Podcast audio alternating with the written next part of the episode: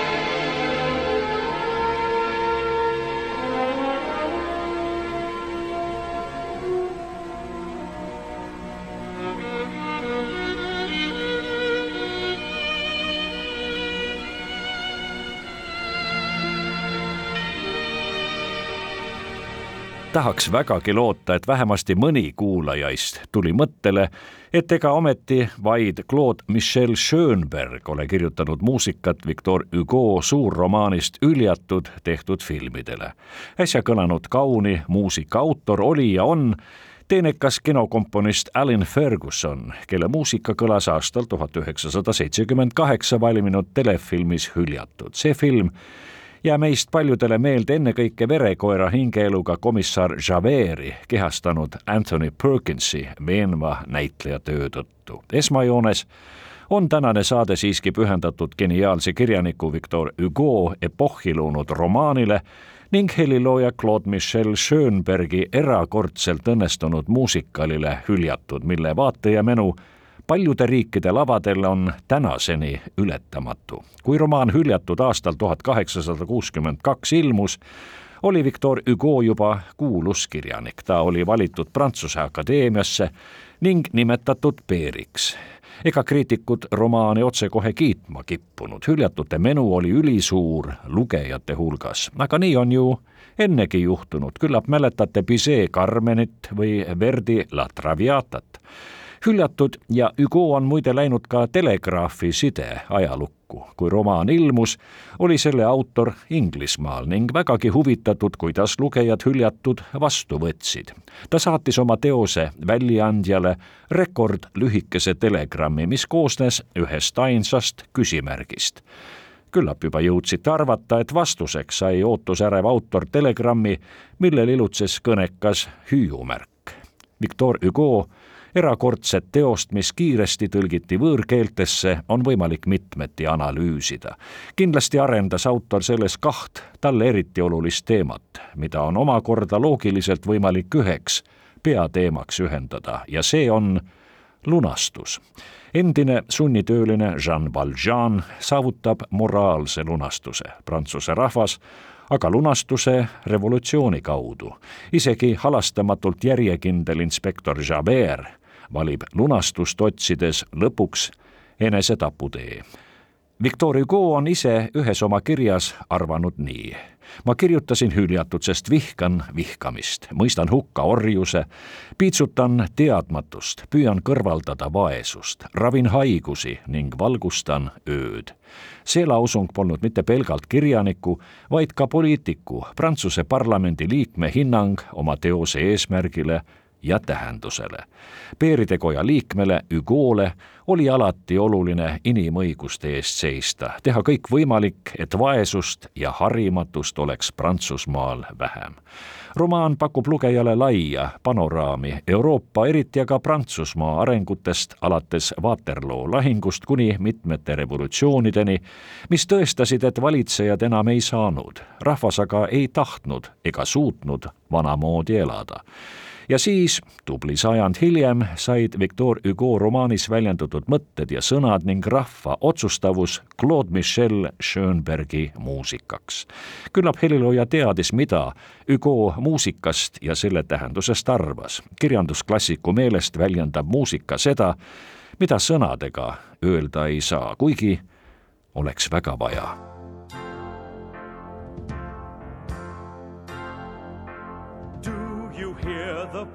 people sing, singing the song of angry men. It is the music of a people who will not be slaves again. When the beating of your heart echoes the beating of the drums, there is a life about to start when tomorrow comes.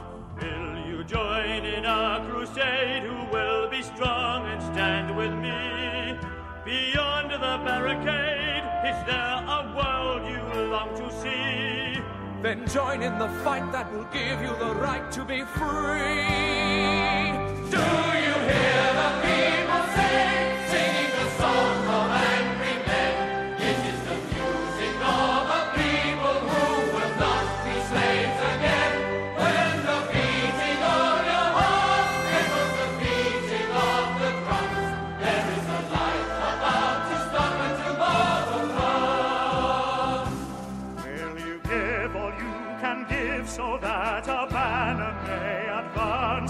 Some will fall and some will live. Will you stand up and take your chance? The blood of the martyrs will water the meadows of France.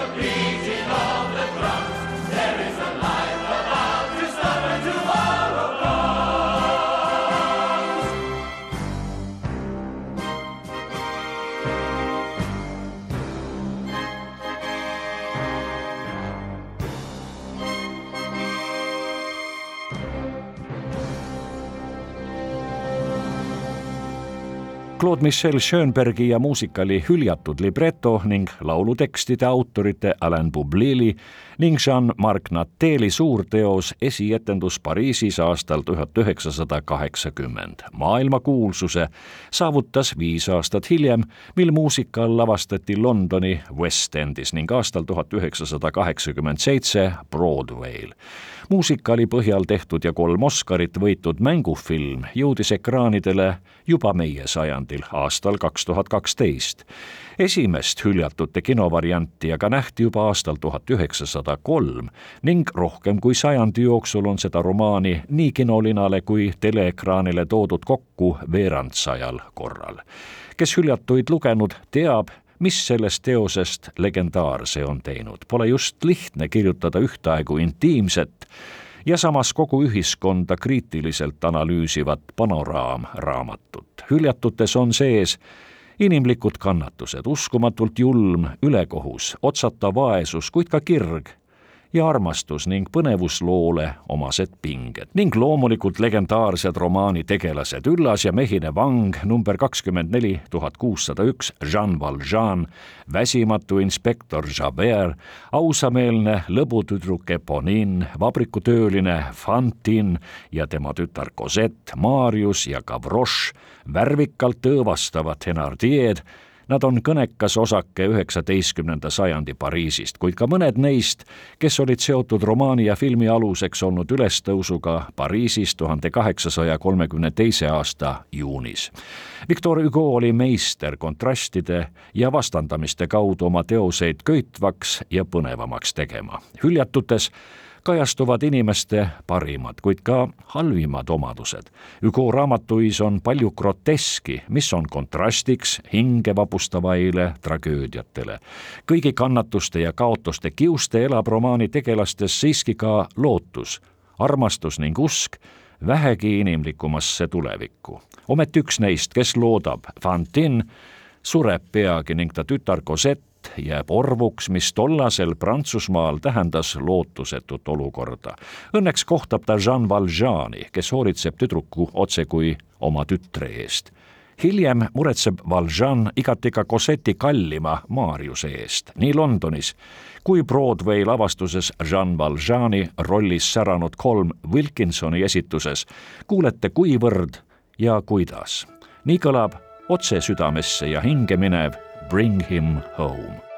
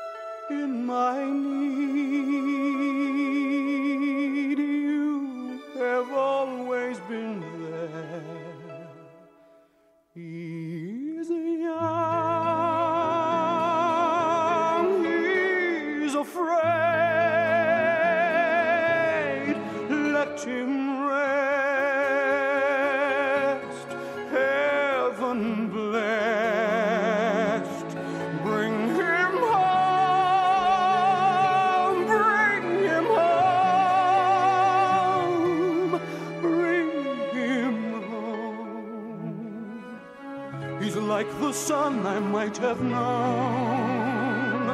If God had granted me a son, the summers die one by one. How soon they fly on and on, and I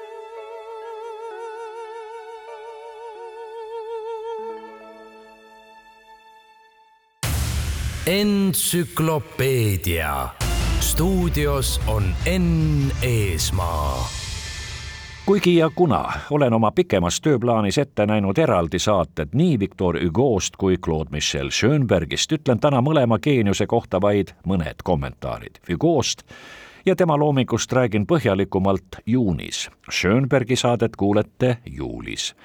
Victor Hugo isa, Joseph Leopold Sigisbert Hugo, oli kolonel Napoleoni pikka aega võidukas armees. kindraliks sai ta tänu Napoleoni vennale Joseph Napoleon Bonaparte'ile, kes oli kaks aastat Napoli ja viis aastat Hispaania kuningas romaanis hüljatud on terve peatükk Waterloo lahingust, milles toona alles kolonel Joseph Hugo tõenäoliselt ei osalenud.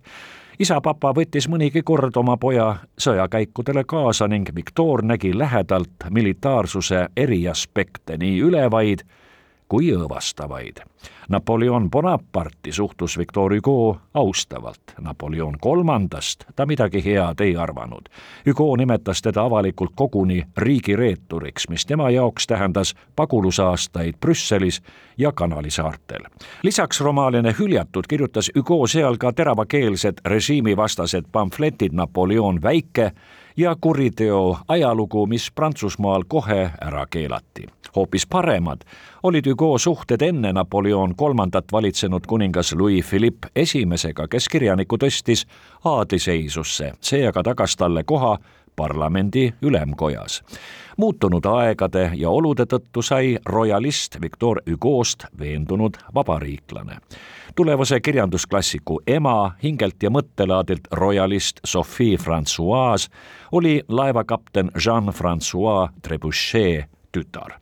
Victor Hugo kirjanduslik anne ilmnes juba üsna varases nooruses. ta oli vaimustatud Euroopa kirjandusromantismi esimese suurkuju Francois Rene de Chateaubriandi loomingust. säilinud on noore Hugo lausung Minust saab Chateaubriand või ei saa minust keegi.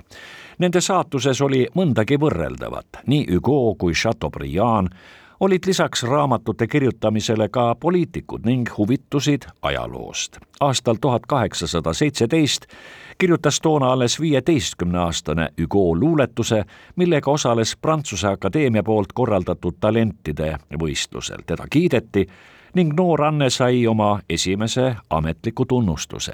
peagi alustas Victor juuraõpinguid. koos oma kolme vennaga andis Victor Hugo välja ajakirja Kirjanduse kuraator. väljaande omanik ja kuraator oli Chateaubriand aasta tuhat kaheksasada kakskümmend üks oli Hugole raske, ta ema suri.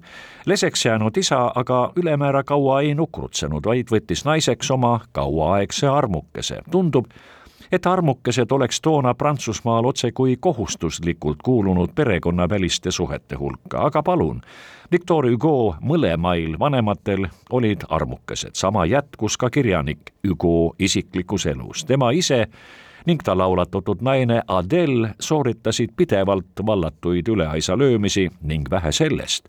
kui Victor Hugo oli maapaos Guernsey saarel, said ta naisest ja armukesest vaata et sõbrannad. aastal tuhat kaheksasada kakskümmend üks ilmus vanema venna Abeli toetusel esimene Victor Hugo luulekogumik, mis äratas konkurentsi tihedal Prantsusmaal tähelepanu ning leidis kiitvaid hinnanguid, vähe sellest.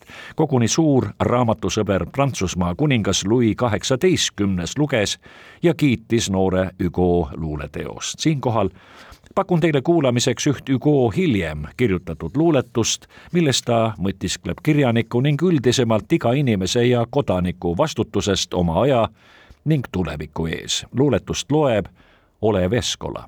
O vilets filosoof, kehv kunstnik, häbi kanna, kui enda põuest verd sa sõnale ei anna. o häbene sofist, kui voorust silmas pead ja uurid Platonit, kuid pruutust vaevalt tead. o häbenege kõik, kes Isamaale peate suurt kiidukõnet küll ja puuslikuks ta seate, kui rängal ajal teil ei jätku armastust, mis küüniks taluma kas või maapagendust. o häbene tribuun, kes kutsud üles rahva, kuid surema, kui peab, ei ole küllalt vahva. oraator, häbene, kui hüüad tulevik, progress ja sulle näib tee kolgatele pikk. Ateenat hetkeks vaid ehk võlute või Rooma ja Spartat petate, aupärga minnes tooma maailma aususelt, kes vahel müütab neid, te näete, et ta laup veab kipra. lade meid, te teoseid letil tal, kui vale raha lasub. aeg, kullakaaluja kes otsustab ja tasub, kes ütleb, sina jääd või sinu paik on seal.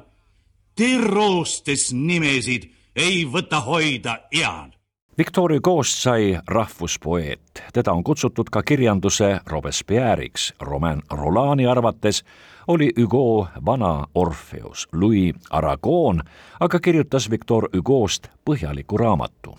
kuna Hugo oli ennekõike kirjandusromantik, sai temast loogiliselt ka romantilise teatri üks tugisambaid, kuid ometi just tema seisis teiste seas veendunult realistliku teatri algatajate hulgas Victor Hugo arvamuse kohaselt jaguneb inimkonna kirjandus kolme põhietappi, oodi ja hümni, eeposte ja draama ajastuks. loomulikult võib selle arvamusega nõustuda. Hugo teoseid on aegade jooksul sadu kordi lavale ja ekraanile toodud. statistika väidab, et hüljatud on kokku lausa uskumatu, neljakümne kaheksaks ooperiks kirjutatud. Jumala ema kirik Pariisis kuueteistkümneks, kõige kuulsamad ooperid kirjutas Giuseppe Verdi.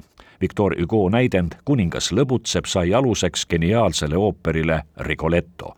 Verdi kirjutas ka Hernani ainetel samanimelise ooperi loomulikult võib ka Schönbergi muusikali hüljatud allahindluseta pidada ooperiväärseks lavateoseks. kuulake või järgmist vangide laulu ning stseeni, milles Jean Valjean ja inspektor Javert esimest korda kohtuvad. oma dramatismilt ja muusikaliselt lahenduselt pole see põrmugi lahjem Verdi pinget täis oopustest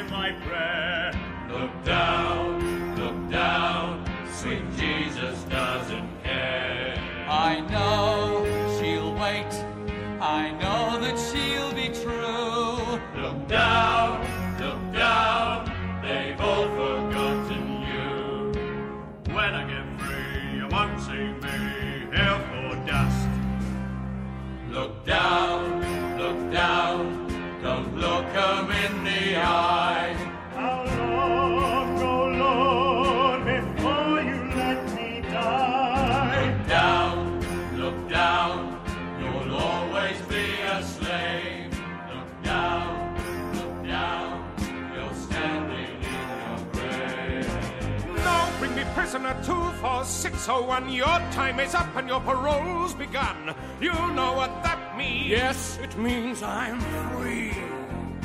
No, it means you get your yellow ticket of leave. You are a thief. I stole a loaf of bread. You robbed a house. I broke a window pane.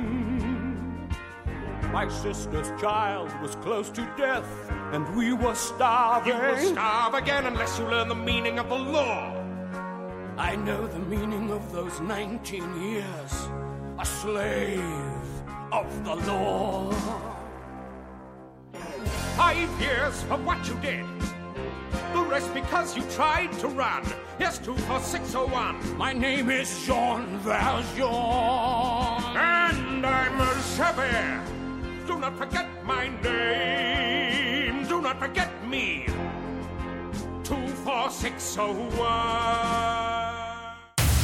entsüklopeedia stuudios on Enn Eesmaa Ungari päritolu prantslaste uhkus nooruses välimuselt kõvasti William Shakespeare'i moodi Claude Michel Schönberg on tavatult andekas inimene õige mitmel loomealal. lisaks geniaalse muusika kirjutamisele on ta oma karjääri algaastail olnud võimekas laulja, näitleja ning edukas produtsent plaadiäris. Schönberg töötas maailmafirmas EMI ning oli lisaks teistele kuulsustele ka näiteks Gilbert Becot heliplaatide produtsendiks. koos Alain Boubliliga kirjutas Schönberg esimese muusikali Prantsusmaal aastal tuhat üheksasada seitsekümmend kolm lavale jõudnud lavateose peateemaks oli Prantsuse revolutsioon ning Schönberg mängis ja laulis Louis kuueteistkümnenda rolli. järgmisel aastal kirjutatud laulust Esimene samm sai prantslaste suur lemmik pärast Eurovisiooni võitu tegi Schönberg koostööd APA-ga, luues Waterloost prantsusekeelse versiooni, mille võidukad rootslased ka plaadile laulsid. seitsmekümnendatesse jäi Schönbergi sooloplaat, kus ta ise omi laule esitas. koos Publiiliga otsustasid nad ühel tõepoolest heal päeval muusikaliks kirjutada Victor Hugo hüljatud seegi lavateos sai esietenduse Pariisi spordipalees. aasta oli siis tuhat üheksasada kaheksakümmend. alles viis hooaega hiljem jõudsid hüljatud Andrew Lloyd Weberi poolt vallutatud Londonisse. ometi suutsid prantslased peaaegu et võimatut. muusikalil oli märkimisväärne menu ning varsti avanes hüljatute eesriie ka Broadway'l. USA-s teenis muusikal kaheksa Tony nimelist preemiat ning juba siis hakati plaani pidama muusikali kinoekraanile toomiseks. seegi töö võttis üsna kaua aega ning esilinastus Anna Hathaway, Russell Crowe ning Hugh Jackmaniga peaosis alles aastal kaks tuhat kaksteist. filmile omistati kolm Oscari preemiat, ainsa näitlejana sai kuldmehikese ka laulja andega õnnistatud Anne Hathaway Fantini rolli eest. Ja nii ta filmis laulis ja unistas I dreamed a dream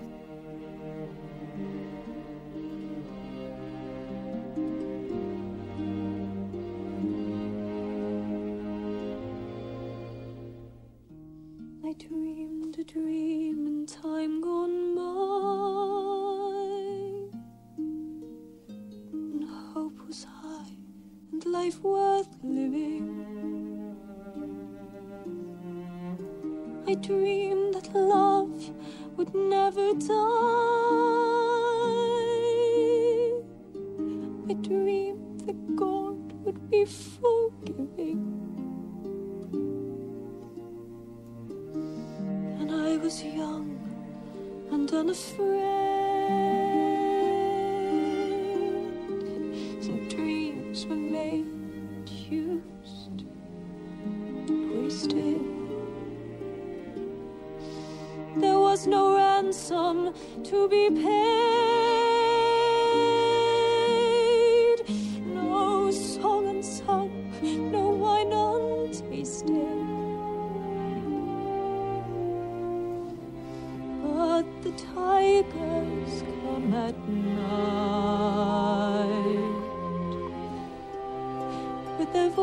Soft as thunder. as they tear your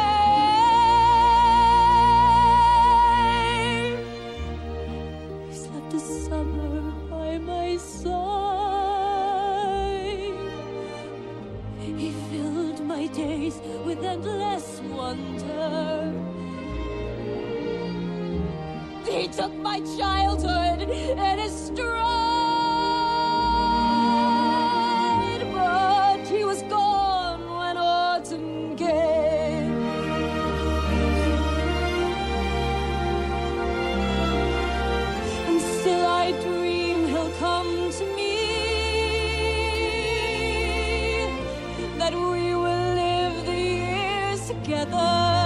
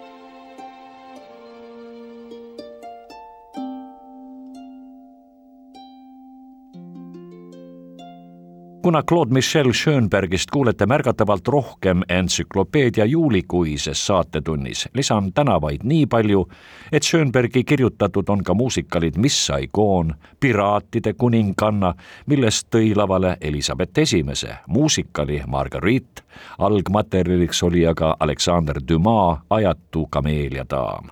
Schönberg on kirjutanud ka operetilaadse lavateose Martin Guerre ning balletid Emile Bronti ainsa romaani Vihurimäe ainetel ja Cleopatra teadagi kellest ja millest. kuna me tänase saate fookuses on romaan ja muusikal hüljatud, pakun teile kuulamiseks laulu Ootamatult samanimelisest filmist. selle lauluga Schönberg kandideeris nii Kuldgloobusele kui ka Oscarile, kuid triumf jäi toona veel tulemata. laul on aga võrratu, seda esitades tõestas Hugh Jackman oma solistivõimeid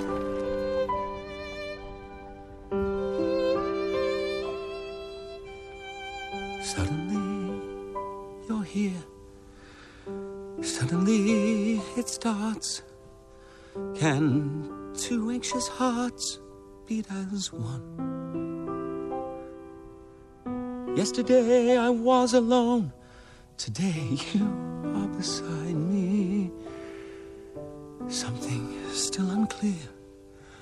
Something not yet here has begun.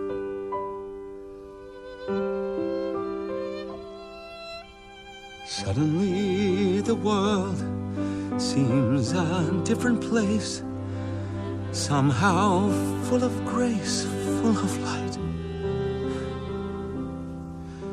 How was I to know that so much hope was held inside me? What is past is gone. Now we journey through the night. How was I to know at last that happiness can come so fast? Trusting me the way you do, I'm so afraid of failing you. Just a child who cannot know that danger follows where I go. There are shadows everywhere and memories I cannot share. Never more alone never more apart. You have warmed my heart like the sun. You have brought the gift of life and love so long denied me. Suddenly I see what I could not see. Something suddenly has begun.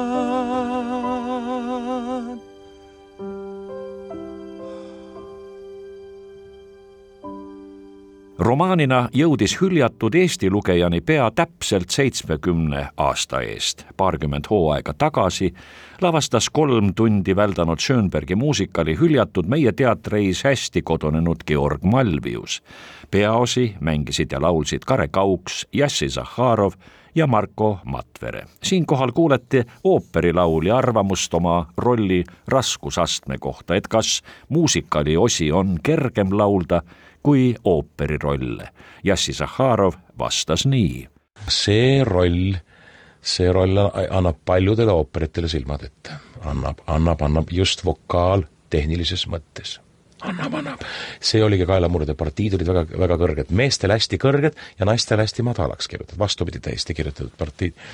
ja see algus tekkiski mõte, ma mõtlesin, miks ta nii on, miks nad nii on kirjutanud, aga selles ma sain üsna kiiresti aru, et et luua see kogu see see piirsituatsioon, see pingestatus, see dramaatiline pingestatus välja tuua, et see paremini hakkaks kõlama, sellepärast oli vaja kirjutada lihtsalt vokaalpartiid ümber, oli vaja kirjutada nad hästi pingelistesse äärmistesse registritesse, et, et see kristalliseeruks, eks, et, et see pinge, see dramatism, see sügavus tuleks paremini välja, see oli taotlus kohe nende autorite poolt äsja öeldud pole kuigi raske tõestada, enne vaid nii palju, et tänu hüljatute edule hakkas Eesti Teatriliit välja andma preemiaid muusikalide kategoorias. Marko Matvere ning Jassi Zahharov olid esimesed laulvad näitlejad, kes selle tunnustuse auga ära teenisid. nüüd aga tõestus, et Schönbergi pole laval kergem laulda kui Verdit või Puccinit. Jean Valjeani bravuurnumber on muusikalis hüljatud, kahtlusteta selleks jään. Eestis laulis seda kunagine Entel Tenteri laululaps Jassi Zahharov ta tõesti mõtleb vist, et Jean Valjean on käes. kas võõramehe süüs on minu väljapääs või teda päästan ma, siis elul kriips on peal. kui ennast säästan ma, siis andeks ei saa heal. Räägin vaid, siis vangi lähen ja kui ma vaikin neetuks jään. tuhande mehe jaoks meister ma olen, nad kuulavad mind. kuidas siis võiksin ma hüljata siin, liiga ränk on see kind. räägin vaid neid vangis näen ja kui ma vaikin, neetuks jään.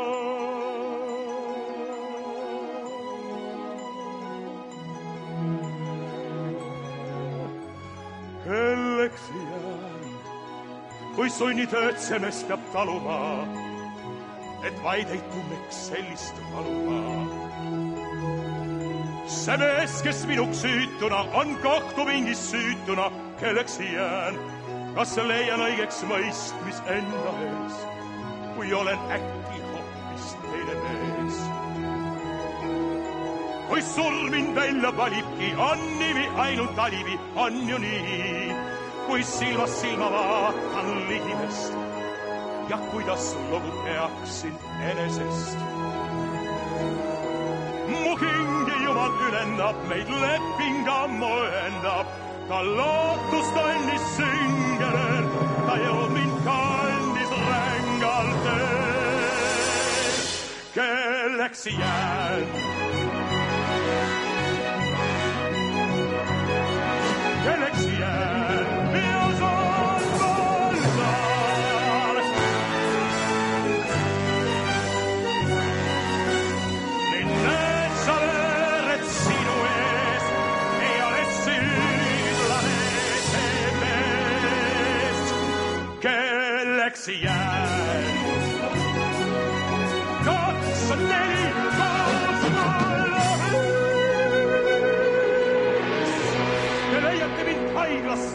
romaanis ja muusikalis on lisaks eelpool mainituile veel kaks jõulist meestegelast, verekoera hingeelu ja pokkerimängija ilmetu näoilmega inspektor Javert ning Cosetti silmarõõm ja abikaasa Marius. selles üliõpilases on asjatundjad märganud olulist sarnasust kunagise tudengi Victor Hugo enesega Neilegi tegelastele kirjutas Schönberg mõjuvaid muusikanumbreid. Maarjuse laulu Tühjadest toolidest, ta kunagi rahvast ja sõpradest tulvil kohvikus, esitab muusikalide rollideks otse kui sündinud Michael Ball. Empty Chairs. There's a grief that can't be spoken. There's a pain goes on and on. Empty chairs at empty tables. Now my friends are dead and gone. Here they talked of revolution. Here it was they lit the flame. Here they sang about tomorrow, and tomorrow never came. From the table. In the corner, they could see a world reborn. And they rose with voices ringing, and I can hear them now, the very words that they had sung. Became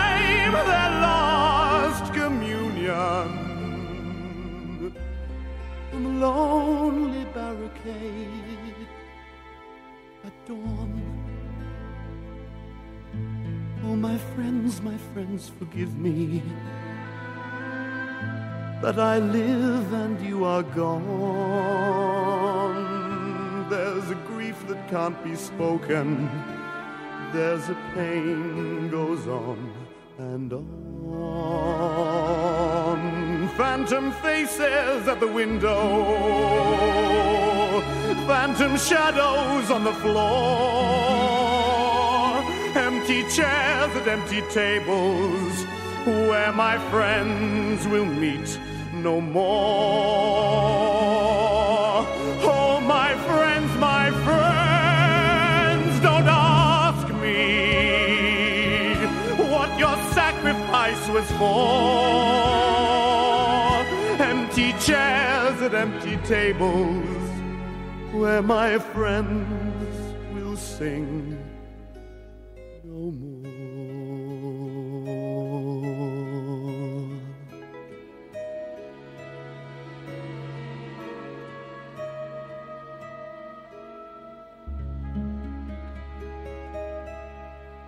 seekordse saate lõpetan Victor Hugo romaanil põhineva Claude Michel Schönbergi muusikali hüljatud mõjusa finaaliga. kuulake, kuidas suur helimeister kasvatab lihtsatest viisidest sümfoonialaadse kuuldeelamuse, mis kauaks meelde ja hinge jääb. head kuulamist ning kuulmiseni nädala pärast, siis keskendub entsüklopeedia ühele presidendile, kelle sarnaseid on USA ajaloos hiljem vaid mõni üksik ette tulnud. see mees tegi muuhulgas palju oma rahva ja riigi poolt hüljatute heaks. nüüd aga siis muusikali hüljatud finaal.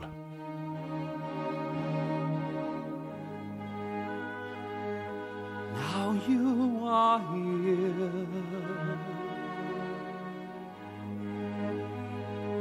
Again beside me. Now I can die in peace, for now my life is blessed. You will live, Papa, you're going to live. It's too soon to ever say goodbye. Yes, Cosette, forbid me now to die.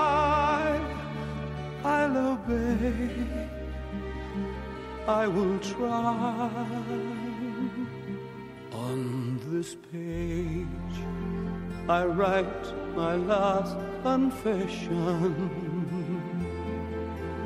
Read it well when I at last am sleeping. It's a story of those who always loved you. Your mother gave her life for you, then gave you to my keeping.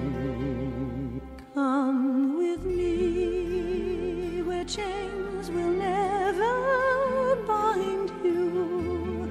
All your grief at last, at last behind you. Lord in heaven, look down on him in mercy. Forgive me all my trespasses and take me to your glory. Take my hand and lead me to salvation. Take my love, for love is everlasting. And remember the truth that once was spoken. To love another person is to see the face of God. Do you hear the people sing, lost in the valley of the night? It is the music of people who are climbing to the light, or the wretched of the earth.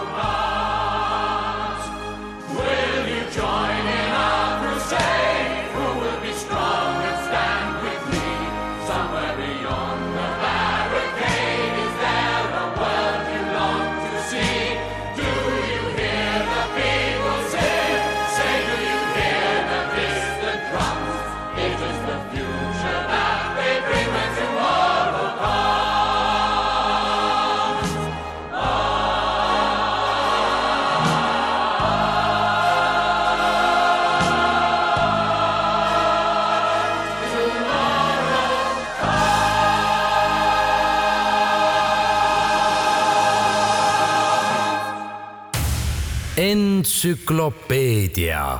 stuudios on Enn Eesmaa